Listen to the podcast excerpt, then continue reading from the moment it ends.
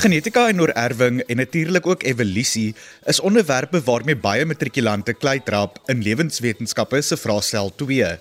Die terminologie en verduidelikings of die bewyse wat leerders vir sekere dinge moet bied, is dikwels 'n tamaletjie, maar gelukkig is Kompas hier om jou tjoefchaf uit te sorteer met wenke, raad en eksamensukses. Hallo hallo, ek is Adrian Brandt en ek kuier vir die volgende paar minute saam met jou in Kompas net hier op RSG. Gisteraand toe ek vir Marley van der Merwe ingestaan het, het ons hersiening oor lewenswetenskappe se vraestel 1 gedoen en vanaand gesels ons natuurlik oor vraestel 2. Ja, jy skryf 'n tweede vraestel vir biologie. Lorraine King, die lewenswetenskappe departementshoof by die Genote Hoërskool in Wellington, kuier vanaand weer saam en help ons om presies te weet wat om in hierdie vraestel te verwag. Indien ek ooit vir jou goeie raad kon gee, sal dit wees om nou vinnig te hol om 'n pen en notaboek te kry, want ons val sommer dadelik weg met die gesprek. Lorraine, weer eens welkom op Kompas. Dit is lekker om vanaand weer met jou te gesels oor lewenswetenskappe eksamenvoorbereiding. Nou, um, ons het gisteraand oor biologiese vraestel 1 gesels, maar vanaand is die fokus van selfsprekend op vraestel 2. Wil jy nie vir die matrikulante herinner wat die verskillende afdelings en inhoud is wat hulle in hierdie vraestel kan verwag nie? Ek weet een van die groot fokuspunte is sekerlik evolusie. Ja, goeienaand Arian, ons het gisterand het ek so aan mekaar gepraat. Ek hoop nie die graad 12 se sal moeg vir my stem nie, maar ja, jy het 'n tweede vraestel om te skryf. En kom ons spring weg met die inhoud van die vraestel. Heel eerste het jy in die begin van die jaar waarskynlik begin met DNA die kode van lewe. Nou DNA saam met RNA is dan nou die eerste deel van jou vraestel. En as ons gaan kyk na die punte toekenning daarvoor, dan is dit 'n hele 27 punte. So kom ons kyk. By DNA moet jy weet waar dit is en wat die funksie daarvan is. Wat is kromosome? Wat is gene? Wat is allele? Ons kom later by genetika daar. Waar kry ons DNA wat nie in die selkern is nie? En dit is dan nou tipies mitokondriale DNA by diere en plante en dan by netplante ook in die chloroplast kry ons DNA. Wie het DNA se struktuur ontrafel? Onthou dit was um, Francis Crick en James Watson saam met Maurice Wilkins en Rosalind Franklin. Net die drie mans het die Nobelprys gekry. Ek moet dit net nou eers hier sê Aryan het die Nobelprys gekry en dit het, het niks te doen gehad met diskriminasie teen vroue nie. Rosalind Franklin was toe reeds oorlede en die Nobelprys word nooit postuum na iemand se dood toegekend nie. Goed, verder DNA. Jy moet die proses van DNA replisering ken. DNA profilering. Nou in baie handboeke en in studiegidse praat hulle nog van DNA vingerafdrukke. Vergeet vee uit, gaan terug. Ons doen nie DNA vingerafdrukke nie, ons noem dit DNA profilering. Weet hoe die proses gedoen word en wat die betekenis daarvan is. Waarvoor kan ons dit gebruik? En dan as jy gaan kyk na hoe DNA profile voorgestel word, en dit kom saam met die gedeelte oor genetika. Waarvoor word dit gebruik? Soos byvoorbeeld, ehm um, vaderskaptoetse. Nou ons kan by bloedgroepe ook vaderskaptoetse doen en ek sal net nou daarna verwys. Maar onthou die gebruike van DNA profile. Ook die moontlike nadele daarvan of liewer hoekom dit nie absolute getuies in 'n hofsaak kan wees nie. Dan kom ons by RNA. Die soorte RNA wat ons kry en waar ons dit kry proteïnsintese. Die twee dele, transkripsie en translasie, moenie deurmekaar raak nie. Dis eers die oorskryf van die DNA-kode en dan gaan die mRNA se kodon gaan dan daardie kode vertaal na proteïen saam met tRNA. Ek hoop dit help vir julle. Goed, dan kom ons by meiose. Jy het in graad 10 mitose gedoen. So herinner jouself 'n bietjie aan mitose. Maar dan kom ons by meiose en jy moet die proses ken. Onthou, meiose vind plaas in twee fases. Meiose 1 en meiose 2. Jy moet elkeen van daardie fases kan herken, identifiseer in volgorde plaas en wanneer jy 'n fase identifiseer of 'n stap in die twee prosesse, dan moet jy ook kan sê hoekom. Hoekom is dit anafase 1? Hoekom is dit metafase 2 byvoorbeeld? Oorkruising. Wat is dit? Die belangrikheid van die proses. Jy kan selfs vir jou vra om 'n kromosoom te teken na oorkruising. Wat gebeur? Onthou 'n chiasma of meervoud chiasmata is nie 'n proses nie. Dis die plekke waar die kromatiede van 'n kromosoom aan mekaar raak tydens oorkruising. Abnormale meiose en die gevolge daarvan. Dit is byvoorbeeld die kromosoommutasie Down-sindroom as gevolg van nie disjunksie van kromosome tydens anafase 1 en 2 weet wat dit is, weet wat die gevolge daarvan is. Ken jy die verskille tussen meiose en mitose? Net soos jy die verskille tussen die bou van DNA en RNA moet ken. In Junie maand hierdie jaar het hulle interessante vraag gevra. Hulle het die verskille tussen die nukleotiede van DNA en RNA gevra. En dan kan jy nie net sê timin en uracil nie. Jy moet volledig sê bevat timin, bevat uracil. En terwyl ek amper daar tongknoper het, dis timin, nie thiamin nie. Thiamin is 'n wit soort Vitamiin B. So jy moet baie seker wees van jou terminologie. Om goed te doen in terminologie, moet jy jou werk baie goed ken. So dit is dan die eerste twee konsepte. As ons gaan kyk na die punte wat my oos tel, dis 21 punte. So DNA, RNA en my oos is saam 48. En dit word baie keer gekombineer in vrae.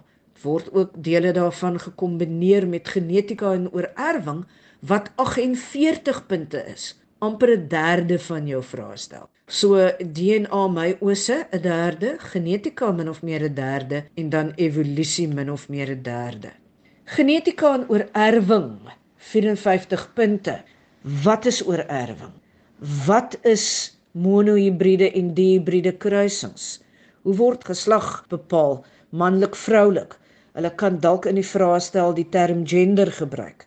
Geslagsgekoppelde toestande. By monohibride kruisings um, saam met die geslagbepaling ook volledige dominansie, onvolledige of afwesigheid van dominansie, kodominansie. Maak seker dat jy al daardie verskillende soorte oorerwing kan identifiseer en kan doen. Ek het gepraat van monohibride kruisings en dihibride kruisings. As jy dihibride kruising kry, onthou, dit is twee kenmerke. Moenie vir my sê meer as een kenmerk wat betrokke is nie. Dit is twee. Kyk jy na die monohibride kruisings, moet jy in staat wees om 'n genetiese kruising volgens die template te doen. Die template is waar jy nou P1 en F1 aandui. Meiose en bevrugting. Julle weet nou waarvan ek praat. Genotipe, fenotipe. Die feit dat gamete gevorm word. Die Punnett diagram waarin jy die gamete met mekaar laat versmelt om dan die nageslag se genotipe te kry. Skryf die fenotipe neer. En onthou, as hulle vir jou vra wat is die persentasie kans vir een of ander kenmerk om uit te kom. Dan skryf jy dit as 'n persentasie aan die einde. Vra hulle vir jou wat is die verhouding, die ratio? Dan moet jy sê, kom ons sê nou maar byvoorbeeld lang plante is tot kort plante, soos 2 is tot 2 of 3 is tot 1 afhangende mos nou van watter tipe kruising jy het. Maar jy sê nie 2 is tot 2 nie. Hoekom nie? Want jy moet 'n verhouding altyd in die kleinste vorm skryf. Dan is dit 1 tot 1. Ek hoop julle het dit opgetel toe ek dit noem.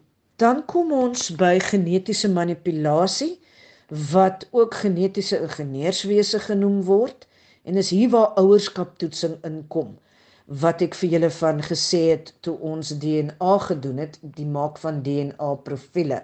Nou, dis belangrik dat jy bloedgroepe en hoe bloedgroepe oorgeerf word sal ken. Daar is 4 soorte bloedgroepe volgens die ABO bloedgroep uh, uh, naamgewing. Bloedgroep A, B, AB en O. Nou bloedgroep AB is ook 'n voorbeeld van kodominansie.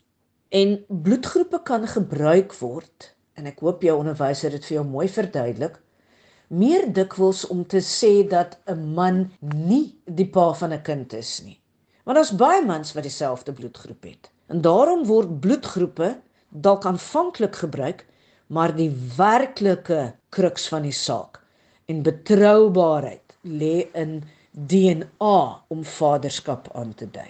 Ek het ook gesê dat jy sal moet onthou, daar is ander gebruike ook van DNA profile. Dan GMO voedsel, voordele, nadele, hoekom sal mense daarvoor wees? Daar teengekant wees, kloning. Wat is kloning? Hoe word dit gebruik? Heel wat werk, né? Maar na alles 54 punte van jou vrae stel. Presteer, leer en blink uit met Kompas. Ek is Adrian Brandt en ek kuier vir die laaste paar minute saam met jou in Kompas op RSG. Vraestel 2 van lewenswetenskappe is vanaand in die Kompas kollig en ons help jou voorberei vir daardie rekordeksamens as ook natuurlik die eindeksamens. Lorraine Keen is die lewenswetenskappe departementshoof by die Genote Hoërskool in Wellington en sy is my kenner vir vanaand. Ons gesels nou oor evolusie wat natuurlik ook deel vorm van vraestel 2. Om die waarheid te sê, dit is die inhoud wat die meeste punte tel in hierdie vraestel. Ek hoop jy luister aandagtig saam en dat jy ook so onderlangs kan saampraat indien jy hierdie vak op skool neem. Kompas, jou rigtingaanwyser tot sukses. Nou, by evolusie is daar 'n paar terme wat jy moet weet. In eerste plek, wat is evolusie? Waaroor gaan dit? Wat is die verskil tussen 'n hipotese en 'n teorie? Mense sê dikwels, ag evolusie is net 'n teorie, maar dis juist die punt. Dis 'n teorie omdat dit ondersteun word deur bewyse. Watter bewyse is daar?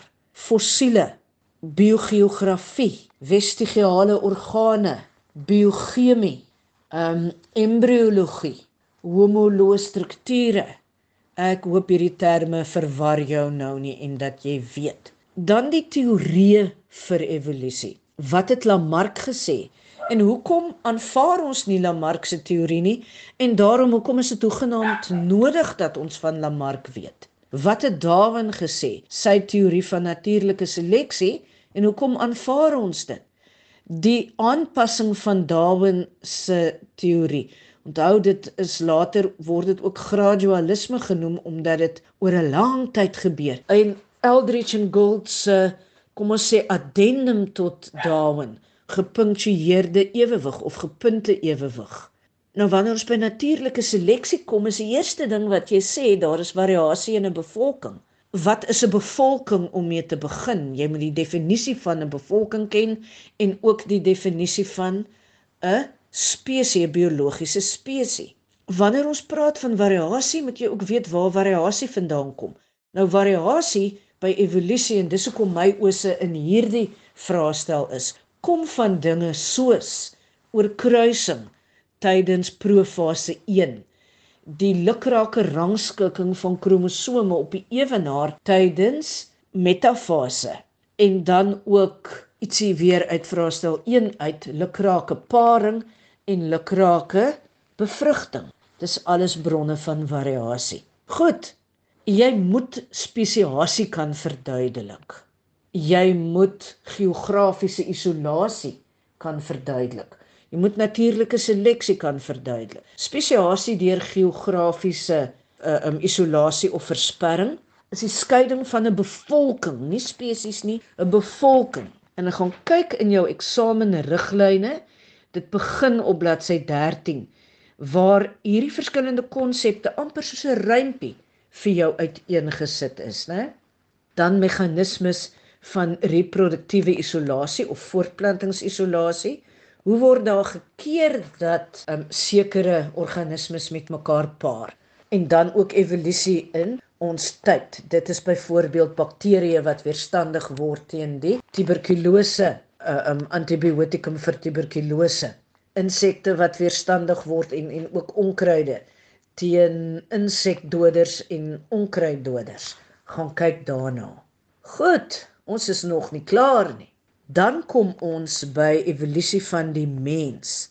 Wat het ons uit gemeenskaplike voorvaders? En as ons hier kyk, moet jy weet van Ardipithecus, Australopithecus en Homo. Jy moet weet wie het watter fossiele ontdek, ook waar. Hoekom word Suid-Afrika as die wieg van die mensdom beskou? Wat is die belangrikheid van die Afar en Awash streke of Ethiopië dan in ons geskiedenis van ons menslike evolusie? Hoekom word ons as primate beskou?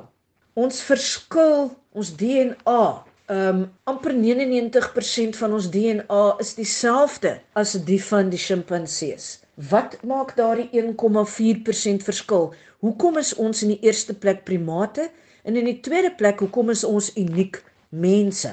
Ons is bipedale organismes. Ons is tweevoetig. Ons loop altyd op ons twee voete. Watter voordele hou dit in vir ons? Hoe verskil ons skelet veral ten opsigte van die foramen magnum, die wervelkolom en die bekkengordel van quadripedale organismes? Dis 'n lang storie en ek raak nou hier aan inhoud, Arian, maar dis vir ons belangrik. Dan laastens die uit-Afrika hipotese. En ek noem dit spesifiek want met baie van hierdie goed het daar oor die afgelope jaar of so het die eksaminatore 'n bietjie anders gekyk na die vraag. Wat is die uit-Afrika hipotese? En daar's 3 lyne van bewyse. Fossiele, genetiese bewyse, daar kom die mitokondriale DNA in waarvan jy gepraat het en ook gereedskap, kulturele bewyse. By fossiele bewyse van die uit-Afrika hipotese is daar alle fossiele van Ardipithecus slegs in Afrika. Alle fossiele van al die Australopithecus slegs in Afrika. Alle fossiele van Homo habilis slegs in Afrika. Oudste fossiele van Homo erectus Afrika. Oudste fossiele van Homo sapiens Afrika. Ek hoop julle kry die klem. En om die punt agter hierdie gedeelte te sit. Daar's die afgelope tyd op sosiale netwerke wat hulle praat van die oorsprong van die mense in Europa. Ons lees dit met interessantheid. Jy gaan jou nie in die stadium daaraan steur en enige antwoord probeer gee in terme daarvan nie. Lorraine het dit ons gehaal en ons moet groet. So ten slotte, enige laaste raad, wenke en gedagtes wat jy dalk met matrikulante wil los in terme van lewenswetenskappe se vraestel 2. Laaste paar wenke. En dis eintlik vir vraestel 1 sowel as vraestel 2.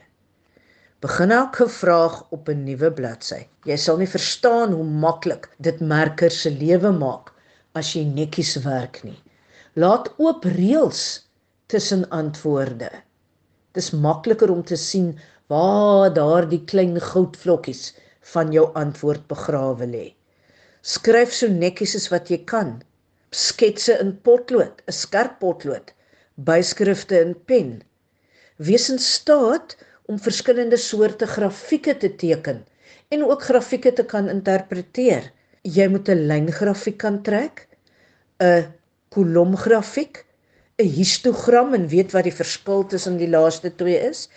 En jy moet ook die gereedskap daar hê om 'n sektordiagram of 'n sirkelgrafiek te trek. Dit beteken jou passer en jou gradeboog.